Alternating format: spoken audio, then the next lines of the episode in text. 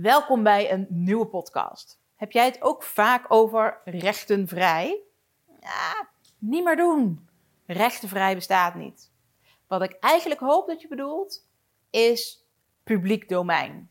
Wat dat nou precies betekent en wat het verschil is tussen rechtenvrij en publiek domein, dat leg ik je uit in de rest van deze podcast. Dus blijf vooral even luisteren. Charlotte, de social media jurist van Nederland.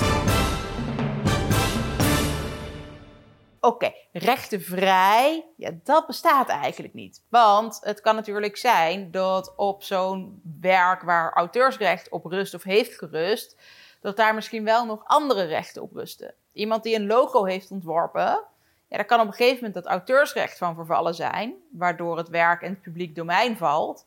Maar als het elke keer maar als merk hebben geregistreerd en hebben verlengd, dan kan het zijn dat er wel nog een merkrecht op rust. Dus dan is het niet volledig rechtenvrij. Daarom zou ik u ook willen aanmoedigen om eigenlijk de term rechtenvrij niet meer te gebruiken. Waarom ik dat dan nu wel gedaan heb?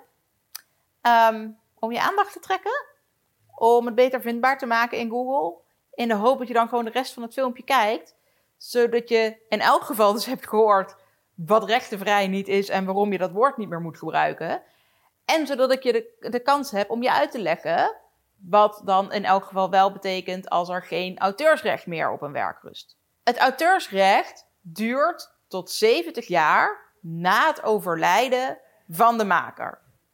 Zijn er meerdere makers, een groep mensen, een groep artiesten bijvoorbeeld, een groep componisten, een uh, groep schilders, uh, nou, wel eens meerdere schrijvers van een boek bijvoorbeeld.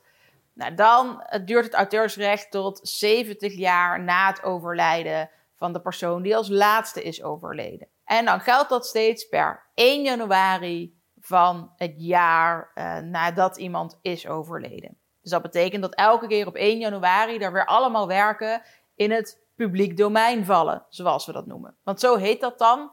Als het auteursrecht is komen te vervallen, dan zeggen we het auteursrecht valt in het publiek domein. We leven nu in 2021. Dat betekent eigenlijk dat alle werken van mensen die in 1950 of eerder zijn overleden, dat dat dus in het publiek domein valt. Denk dus aan uh, Mondriaan. En nou ja, veel eerder natuurlijk ook uh, de dagboeken van Anne Frank. Uh, maar eigenlijk zo dus al het werk van mensen die uiterlijk in 1950 zijn overleden. Dat valt nu in het publiek domein. Dat betekent dat er geen auteursrecht meer op rust. Je mag het dus kopiëren, hè, verveelvoudigen, openbaar maken. Je mag het dus ook wijzigen. Je mag dus een, een, een, een kunstwerk eigenlijk een soort van vernietigen als je zou willen. En zo zie je nog wel eens dat er uh, van die kunstwerken zijn gemaakt, of nagemaakt eigenlijk, wat normaal dus niet zou mogen, maar nu dus wel, waar vervolgens van alles aan gemanipuleerd is. Misschien ken je wel uh, de nachtwacht met gimpen aan, of het meisje met parel, waar de onderkant helemaal van wit gekalkt is. Nou, dat mag dus niet als er nog auteursrecht op zou rusten. Maar dat mag nu dus wel, omdat het auteursrecht is vervallen en die werken in het publiek domein vallen. Ook is dan naamsvermelding niet meer nodig. Ook nog een voordeel. Het wil overigens niet zeggen dat omdat werk in het publiek domein valt, dat je dan maar recht hebt op bijvoorbeeld hoge resolutie foto's. Of resolutie afbeeldingen ergens van. Of dat iemand jou dat werk dan maar moet geven als zij dat in hun bezit hebben. Daarover heb ik eerder alles een video gemaakt. Ik zal in een kaart hierboven daar even naar linken. Ik denk dat het zo eigenlijk wel duidelijk is, maar mocht je toch nog vragen hebben over het publiek domein uh, en of iets in het publiek domein valt, boek dan vooral een oploskoffie via www.oploskoffie.nu.